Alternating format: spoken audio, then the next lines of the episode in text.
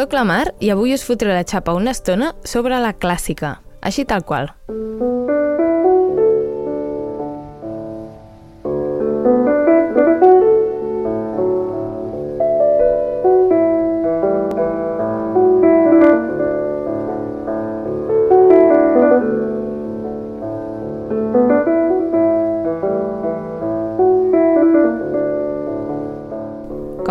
avui portem un ritme tranquil i reposat.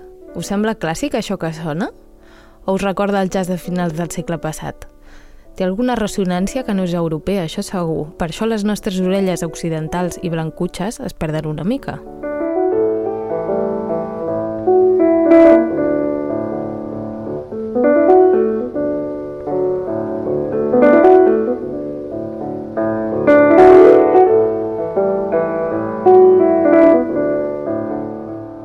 Temps, en una entrevista amb Moldiver, em deien «Jo escolto clàssica quan estic de relax, però de vegades em surt música mega canyera i no sé on fotre'm».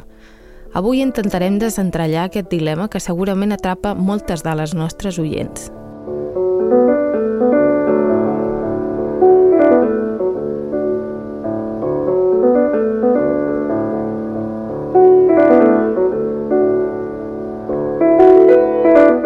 Això tan preciós que sentim de fons, per exemple, és la música d'una senyora que té quasi 100 anys i va néixer a Etiopia, ni més ni menys.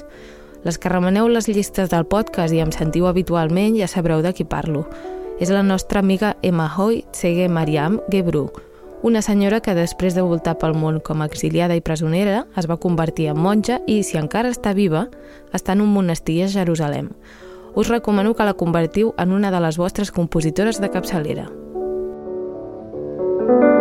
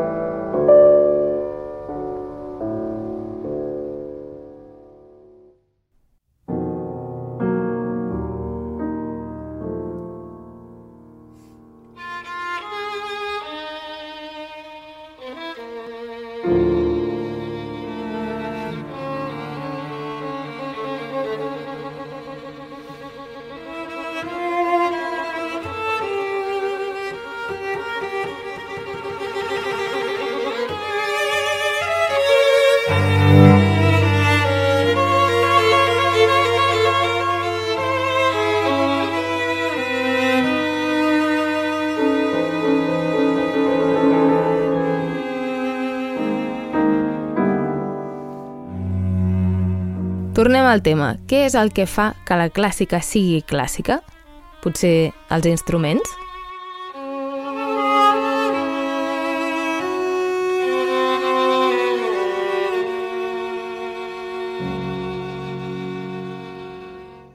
Si sentim una flauta, un violí o un piano, tendim a pensar que es tracta de clàssica.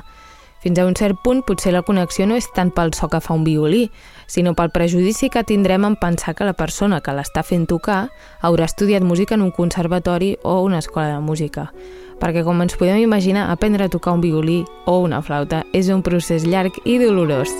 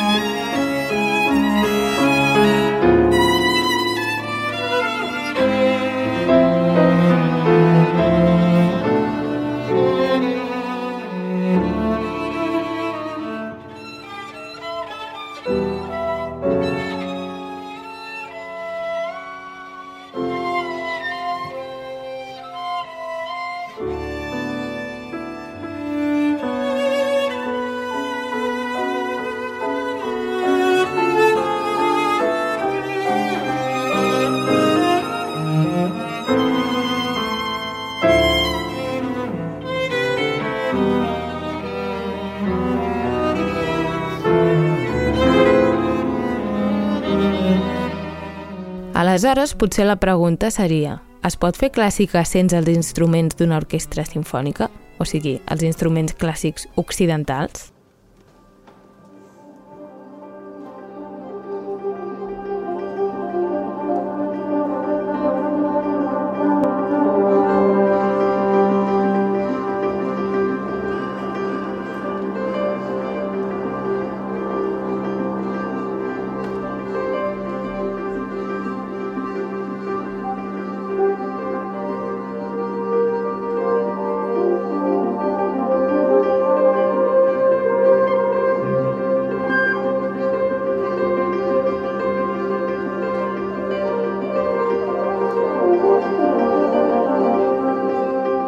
Això que sentim de fons també és clàssica, però la diferència amb el cantaneu com a tal és enorme. Deu ser perquè d'una banda el que sentim són un seguit d'instruments i potser més aviat sonoritats que no associem de saque amb una orquestra, però també perquè la manera en què està escrita la música és molt diferent.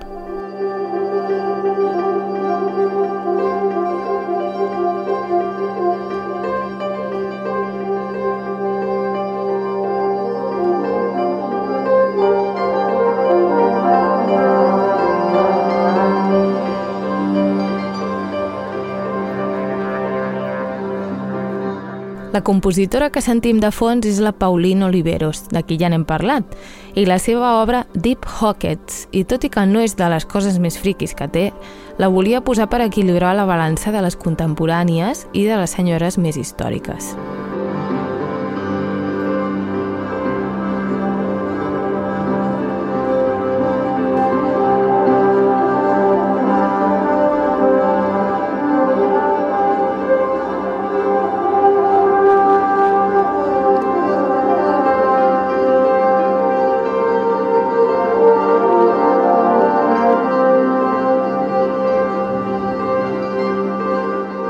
Això que sona es considera clàssica i entre parèntesis minimalista, deu voler dir que la clàssica no té per què ser-ho perquè es toqui amb els típics instruments occidentals ni de la mateixa manera de sempre.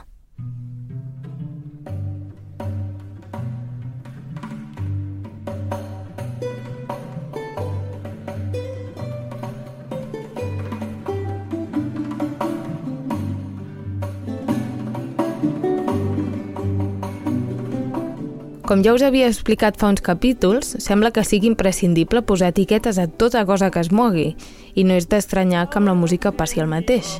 Ara, hem de pensar que la música que nosaltres etiquetem com a clàssica és tota la música que va dels segles 8, 9, 10 de la nostra era fins a l'actualitat, perquè no oblidem mai que encara s'escriu clàssica, i clar, això és way too much per una etiqueta. Pompa gloria, o spori altere, nobil vittoria, amor la fere, amor ardisci, amor ferisci, amore tot igual avrai lori, amore tot igual avrai lori. Si intentem trobar l'origen de la famosa etiqueta, veurem que es va crear fa relativament pocs anys i que té molt a veure amb la dèria de tocar música de gent morta. Òbviament, això no podia passar abans que s'inventés la impremta i el món comencés a globalitzar-se en sèrio.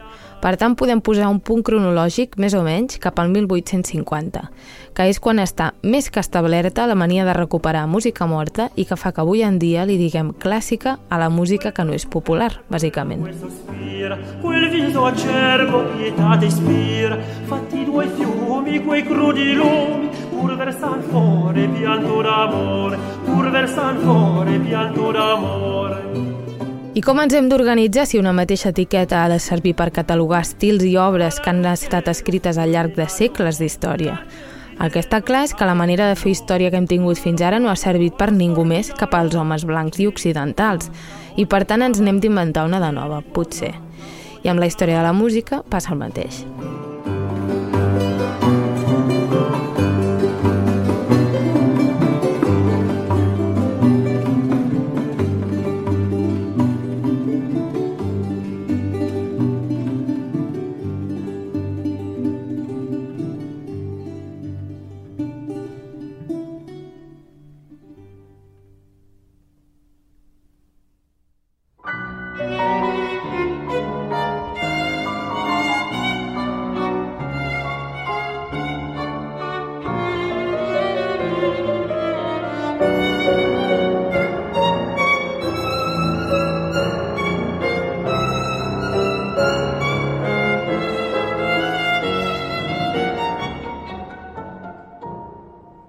Potser un dels problemes que té la majoria de la gent és que està tan desconnectada de la clàssica que no és possible discernir entre períodes o entre estils i que, per tant, es fa bola.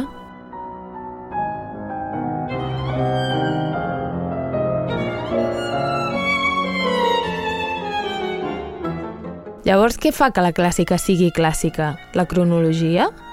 Sí i no. Si parlem de clàssica com a etiqueta històrica, estem parlant d'un període molt concret de la història, Però si parlem de clàssica com una etiqueta musical, llavors la cronologia no és gens important.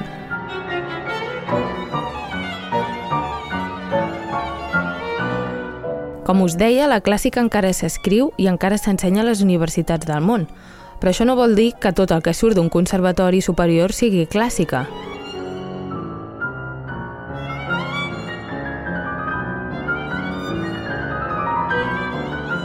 Hem d'evitar caure en la trampa mortal que hi ha entre la música clàssica contemporània i l'experimental. Sí que és veritat que hi ha gent que comença amb la clàssica i va fent fins que topa amb l'experimental. És menys normal que gent que es dedica a l'experimental acabi fent clàssica, però sigui com sigui, no tota la clàssica que es fa avui en dia és experimental, ni molt menys, i això que sentim és un exemple.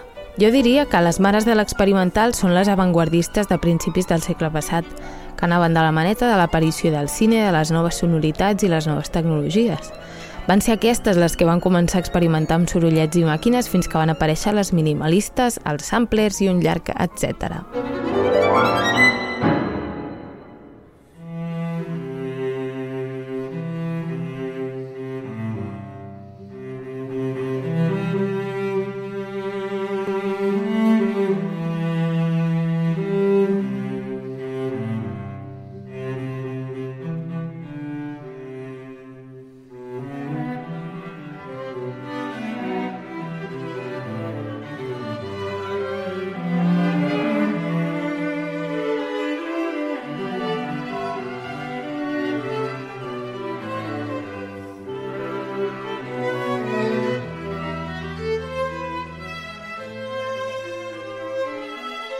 Aleshores tenim, per una banda, que no podem categoritzar la clàssica només pel timbre o pels instruments que es fan servir, ni per la línia cronològica. Anem a veure si potser té alguna a veure a l'acadèmia.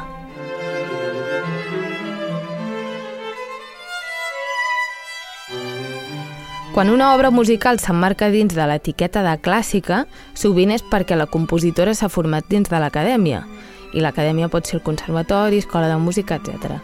I si no és així, potser és perquè la infraestructura que l'emmarca, entre parèntesis, segells discogràfics, agències, mitjans de comunicació, etc., estan relacionats amb la clàssica.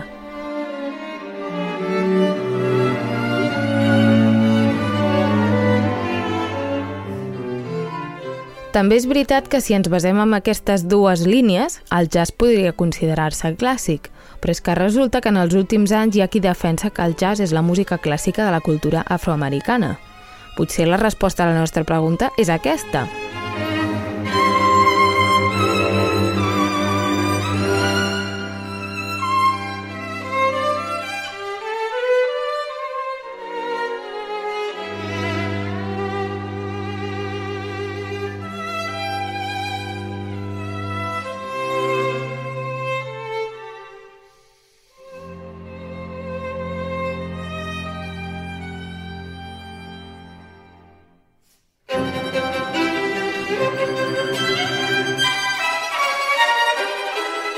Jo personalment penso que el fet que una música sigui clàssica o no depèn de les seves creadores, i això vol dir de les intèrprets i les compositores, però després també hi entra la gent que la rep.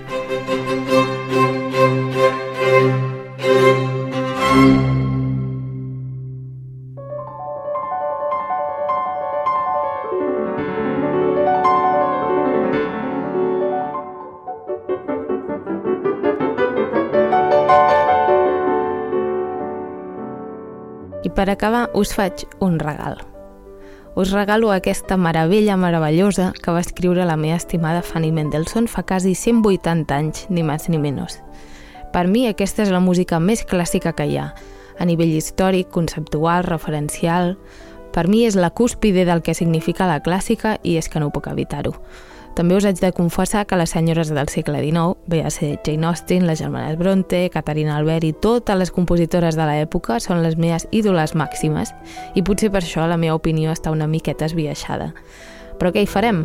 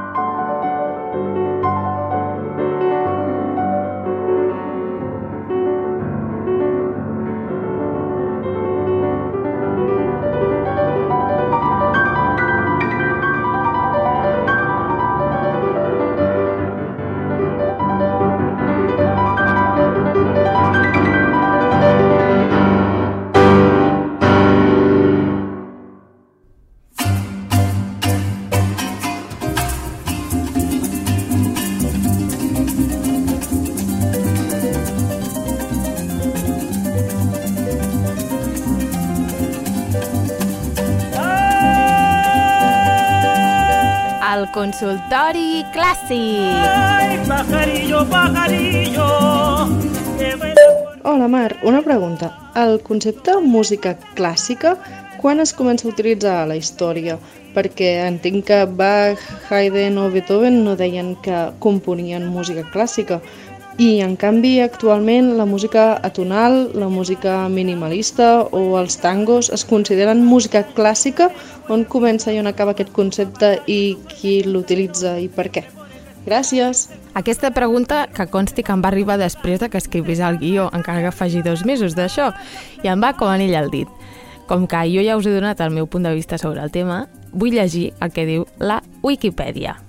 Diu, el terme música clàssica, entre cometes està escrit, no apareix fins a principis del segle XIX a conseqüència de la voluntat de canonitzar el període que va des de Johann Sebastian Bach fins a Ludwig van Beethoven. Aquí obro parèntesis, em fa molta gràcia que els períodes estiguin aquí marcats en persones, però ok. Període considerat com una edat d'or de la música. La primera referència al terme està registrada per l'Oxford English Dictionary, apareix al voltant del 1836.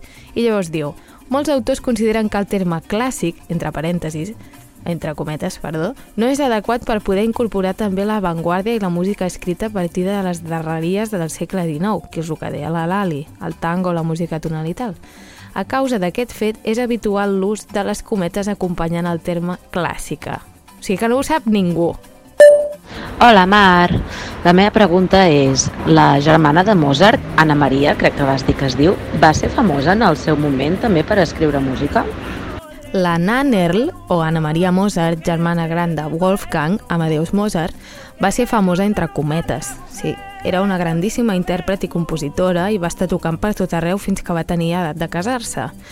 Quan va arribar als 20 anys li van prohibir continuar tocant en concerts públics, com en moltes altres. Però, per tant, és famosa relativament, sí.